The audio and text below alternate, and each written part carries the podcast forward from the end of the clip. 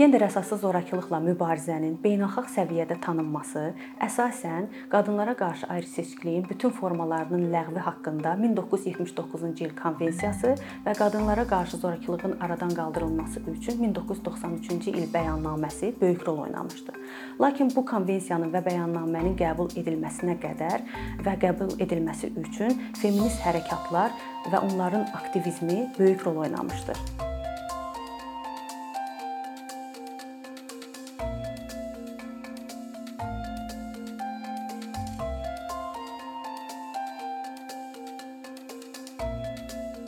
Gender əsaslı zorakılıqla mübarizənin beynəlxalq səviyyədə tanınması əsasən qadınlara qarşı ayrı-seçkiliyin bütün formalarının ləğvi haqqında 1979-cu il konvensiyası və qadınlara qarşı zorakılığın aradan qaldırılması üçün 1993-cü il bəyannaməsi böyük rol oynamışdı.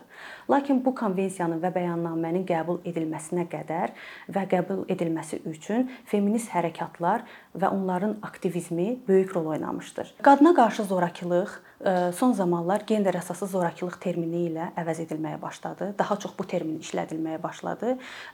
Gender əsaslı zorakılıq termini nə deməkdir? Bu o deməkdir ki, bir şəxsin məhz onun genderinə görə ona qarşı zorakılığın törədilməsi və bu zorakılığın ona rəva bilinməsidir.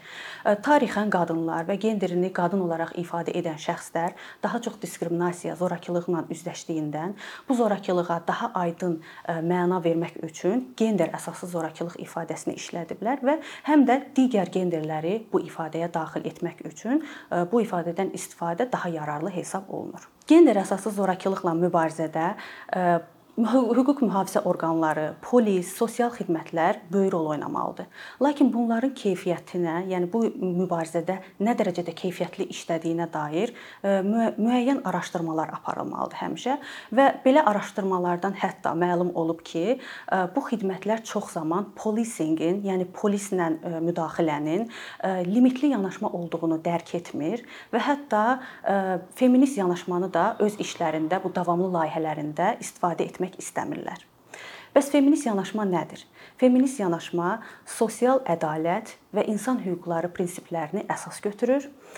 Feminist yanaşma sosial transformasiyanı, qadınların maddi həyat şəraitinin yaxşılaşdırılmasını bir öhdəlik kimi bizim üzərimizə qoyur və feminist yanaşmanın da əsas tərkib hissəsi interseksional yanaşmadır. İnterseksional yanaşma, yəni interseksionallıq qısa olaraq birdən çox bir neçə deməli kimlik göstəricisinin kəsişməsi deməkdir. Bir, bu o deməkdir ki, interseksional yanaşma ilə baxanda bizim hər birimizin müxtəlif kimlikləri var və bizim hər birimizdə bu müxtəlif kimliklərdən doğan demək zorakılığa, diskriminasiyaya məruz qala bilərik. Və feminist yanaşma da interseksionallıq üzərində mərkəzləşərsə, biz daha çox insanların üzləşdiyi zorakılığa, demək zorakılığın özünə məxsusluğunu görə bilərik. Məsələn, zorakılıqla üzləşən qruplar var ki, milli, etnik, dini cəhətdən fərqli kimlikləri var Məsələn, gender ifadəsinə, gender kimliklərinə görə, özünü ifadəsinə görə fərqli e, kimlikləri var.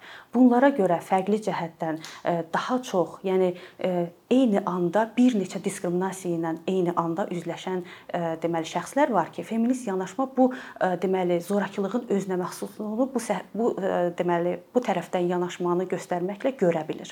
İnterseksionallıq, yəni feminizmdə interseksional yanaşma daha sonra ortaya çıxmış bir yanaşmadır və bunun özünü də Amerikada bir feminist deməli araşdırmaçı ortaya çıxarmışdır. Belə ki, o fikirləşirdi ki, qadına qarşı zorakılıqları deməli üzərində e, müşahidələr apararkən təkcə ağ qadınların, ağ dərili qadınların üzləşdiyi zorakılıqlar da var və qara dərili e, qadınların üzləşdiyi zorakılıqlar da var. İndi ağ dərili qadınların üzləşdiyi zorakılıq əlbəttə ki, qara dərili qadınların üzləşdiyi zorakılıqdan qat-qat e, necə deyim, biraz az olacaq. Çünki qara dərili qadınlar həm onların dərisinin rənginə görə diskriminasiyaya məruz qalırlar, əlbəttə ki, genderlərinə görə, qadın olduqlarına görə məhz diskriminasiyaya məruz qalırlar və bəzən təhsil səviyyələrinin az olduğuna görə və hətta əgər bu kimliyə əlillik dərəcəsi, fiziki məhdudiyyətlilik dərəcəsi də əlavə olunarsa, biraz buna görə də diskriminasiyaya məruz qalırlar və ya bu qara dəlili qadın təsəvvür edək ki, qaçqındır, başqa ölkədən gəlib,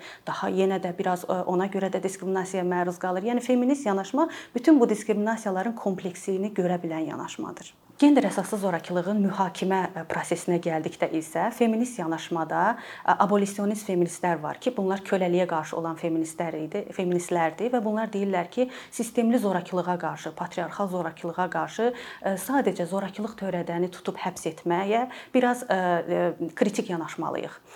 Yəni çünki feminist yanaşma bu prosesə hərtərəfli yanaşmamızı bizdən tələb edir. Bax məsələn, bəzən genderi fərqli olan insanlara qarşı və ya qadınların çoxuna qarşı törədən, zorakılıq törədən şəxslərin mühakiməsində deməli cəza çəkmə, cəzalar, onlar onlara verilən cəzaların müddətində problemlər yaranır. Bax məsələn, bizə məlumdur ki, genderi fərqli olan insanlara qarşı törədilmiş deməli zorakılıqlarda çox zaman onları cəzalandırmırlar. Onu çox zaman onları mühakimə etmirlər və ya cəzasız qalır belə adamlar. Və hətta biz görürük ki, namus qətlləri ki baş verir. Namus qətlləri baş verəndə cəmiyyətdən də həmin zorakıya dəstəklər gələ bilər. Yəni feminist yanaşma deyir ki, təkcə e, həmin zorakını tutub e, həbsə atmaq işin 100%-ni e, görmək demək deyil. Bu işə kompleks şəkildə yanaşmaq lazımdır ki, bu kompleks şəkildə yanaşmada demək insanların maddi və mənəvi rifahının yaxşılaşdırılması, gender əsaslı zorakılıq haqqında preventativ, yəni önləyici tədbirlərin yetərincə davamlı aparılması, əgər zorakılıq baş verərsə, bunun yetərincə araşdırılması, deməli, sonra isə əgər zərər çəkənin müdafiəsinə, sağlamlığına və ya gələcək rifahına yönəlik tədbirlər həyata keçirilərsə, onda bu bütün cəmiyyətin udması deməkdir. Buna görə də bu kompleks yanaşma kimi hesab edilir. Gender əsaslı zorakılıqda deməli feminist siyasətlər deyərkən nə nəzərdə tutulur? Yenə də deyim ki, bayaq iki adını çəkdiyim iki konvensiya əslində feminist siyasətlərin nəticəsində yaranmış konvensiyalardır və bunlardan ən sonda yaranmışı İstanbul konvensiyasıdır və biz bunu araşdıranda görürük ki, feminist yanaşma baxımından ən interseksionallığı deməli təşviq edən, göstərən konvensiyalardan biridir və İstanbul konvensiyasının digər konvensiyalardan fərqi də odur ki, insanların o kimlik göstəricilərindən fərqli olmayaraq hər bir kəsin deməli zorakılıqdan azad həyat yaşamasını tələb edir və əgər zorakılıq baş verərsə bunun yetəri qədər araşdırılmasını, buna qədər preventativ tədbirlərin həyata keçirilməsini və zorakılığa məruz qalmış şəxsin rifahını, maddi, mənəvi rifahını təmin edilməsini bizdən tələb edir.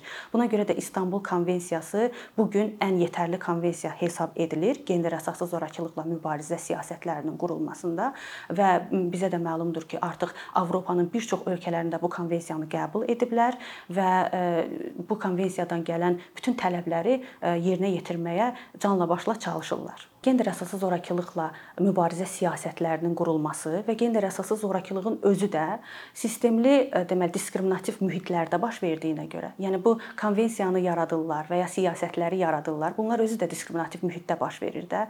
Bu bu mühitdə baş verən bu qanun yaratma proseslərini nəzərdən keçirmək üçün mütləq preventativ tədbirlərə həm də tədqiqatlara yatırımların artırılması deməkdir.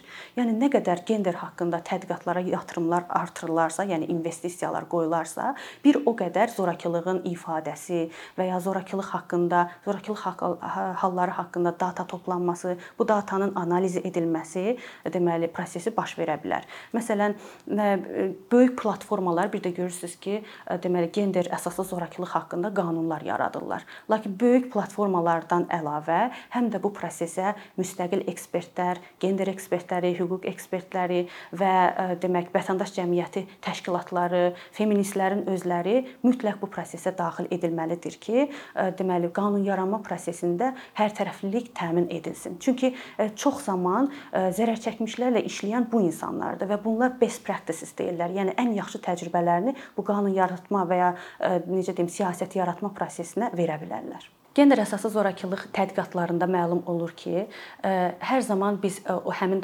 tədqiqatlarda deyirik ki, qadına e, ya sadəcə qurban deyərək demə müraciət etməməliyik. Çünki elə qadınlar var ki, zorakılıq zorakılıqdan qaçıb canını qurtarıblar və bunlar həddən artıq dözüm və güc sərgiləyiblər bu prosesdə. Ona görə də biz onlara qurban deməklə onların güclərini aşağı salmış oluruq. Əlbəttə ki, çox dərin bir zorakılıq baş verməyibsə və bir baş başqa bir cəhət də budur ki, qadın yalnız qadın deməklə biz həm də genderi fərqli olan insanları nəzərə almaya bilərik. Çünki hər zorakılıqla üzləşən cisgender qadın olmaya bilər və daha bir yanaşma da odur ki, qadın qadını qurban kimi göstəririk və göstərməklə demək biz və onlar düşüncəsi yaranır və bu da əslində gender əsaslı zorakılığın sosial bəla olduğuna bir kölgə salır.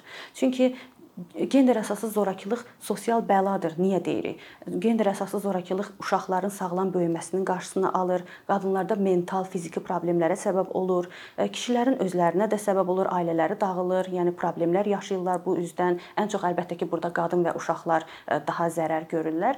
Yəni bu böyük bu ümumilikdə sosial bir problemə, sosial bir çatışmazlığa gətirib çıxarır. Buna görə biz deyirik ki, gender əsaslı zorakılıq sosial bir bəladır. Eyni yanaşma seksual zorakılıqla mübarizə mübarizədə də götürülür. Belə ki, seksual zorakılıqla mübarizə biz çox zaman görürük ki, cəmiyyətdə bir seksual zorlanma halı baş verərsə və ictimaiyyətdə buna qarşı böyük qəzəb reaksiyası doğarsa, ondan sonra başlayırlar qanunların qəbul edilməsinə və ya bir də üzərindən keçilməsinə. Lakin bu tamamilə səhv bir yanaşmadır. Çünki seksual zorakılığa məruz qalanların böyük qismi bu gün qanunların düzgün işləməməsindən əziyyət çəkirlər. Çünki seksual zorakılıqla üzləşən bir çox insanlar bu gün onların deməli zorakılığa zorakılığa onları məruz qoyanlar e, deməli ciddi şəkildə mühakimə olunmur, e, görməməzlikdən gəlinir və seksual zorakılığa məruz qalanlar özləri də bu haqqda danışmaq istəmirlər. E, əlbəttə ki, burada da preventativ tədbirlər aparılmalıdır ki, bu tabular yıxılsın və seksual zorakılığa məruz olan məruz qalan şəxs asanlıqla bunu ifadə edə bilsin və bu hətta burada da bitmir. Çünki seksual zorakılığa məruz qalan, qalan şəxs şəxsin reabilitasiyası aparılmalıdır yetərincə, onun cəmiyyətə inteqrasiyası yetərincə aparılmalıdır, maddi və mənəvi rifahı yüksəldilməlidir. Çünki bu ən ağır e, deməli zorakılıqla üzləşmiş bir şəxsdir. Gender əsaslı zorakılıqla mübarizədə feminist yanaşmanın əsas e, müddəalarından biri də e, gender həssaslığının yaradılmasıdır. Gender həssaslığı da necə yaranıla bilər? Mütəmadi gender haqqında təlimlərin keçirilməsi, seminarların keçirilməsi, bu haqqda həssaslığı yaradan tədbirlərin aparılmasıdır. Məsələn, ümumiyyətlə məhkəmə işçiləri, hüquq mühafizə orqanları, polislə bu e, proseslər, bu tədbirlər həyata keçirilməsi daha məqsədə uyğundur ki, əgər zorakılıq baş verərsə buna necə tez cavab verək? Necə e, tez bir şəkildə həmin hadisə yerində olaq ki, e, demək zərərin zərərin qarşısını müəyyən qədər ala bilək. Yəni bütün prosesləri həyata keçirmək üçün və bunu deməli dərk formasını yaratmaq üçün, gender dərk formasını yaratmaq üçün müəyyən dərəcədə gender həssaslığı artıran tədbirlər tədbirlərə yol verilməlidir. Məsələn, həm də e, bəzi ölkələrdə belə bir təcrübə var ki, e, polis e, deməli stansiyalarında məhz gender əsaslı zorakılığa cavab verən deməli işçilər olur, polis işçiləri olur. Gender zorakılığı ilə bağlı zəng daxil olarsa, mütləq həmin insanlar cavab verəcək və bu da deməli vaxtında prosesin başlamasına və araşdırılmasına yol açacaq və bu prosesdə gender həssaslığın yaradılması prosesinə həm də deməli tibb işçiləri daxil edilməlidir. Çünki tibb işçiləri ən çox zərər çəkənləri aydın edən şəxslərdən biridir. Çünki tibb işçilərinin yanına gedən şəxs, zorakılığa məruz qalan şəxsi daha çox sorğulamaq lazımdır ki, sənin üzərində yaranan zədələr hardan yaranıb. Yəni bu da həm də tibb işçilərində daxillərində necə də necə ki mən məhkəmə işçiləri deyirəm, polis işçiləri deyirəm, tibb işçiləri də, hətta jurnalistlər də bu bura daxildir bu gün ki, onların o daxilində olan gender qərəzli yanaşmanı, o mizogenist yanaşma, yəni qadına qarşı düşmənçi mövqedən çıxış etmək və s. yanaşmanı e, deməli yox etmək üçün bu e, deməli gender həssaslığı yaradan tədbirlərin aparılması çox e, önəmlidir. Gender əsaslı zorakılıqla mübarizədə feminist yanaşmanın olmaması birinci növbədə zərər çəkmişlərin işlərinin düzgün aparılmamasına səbəb olur. Zərər çəkmişin başına gələn seksual zorakılıq olsun, fiziki zorakılıq olsun, bunlar düzgün şəkildə mühakimə edilmir və düzgün şəkildə mühakimə edilmədiyinə görə də cəzasız qalır.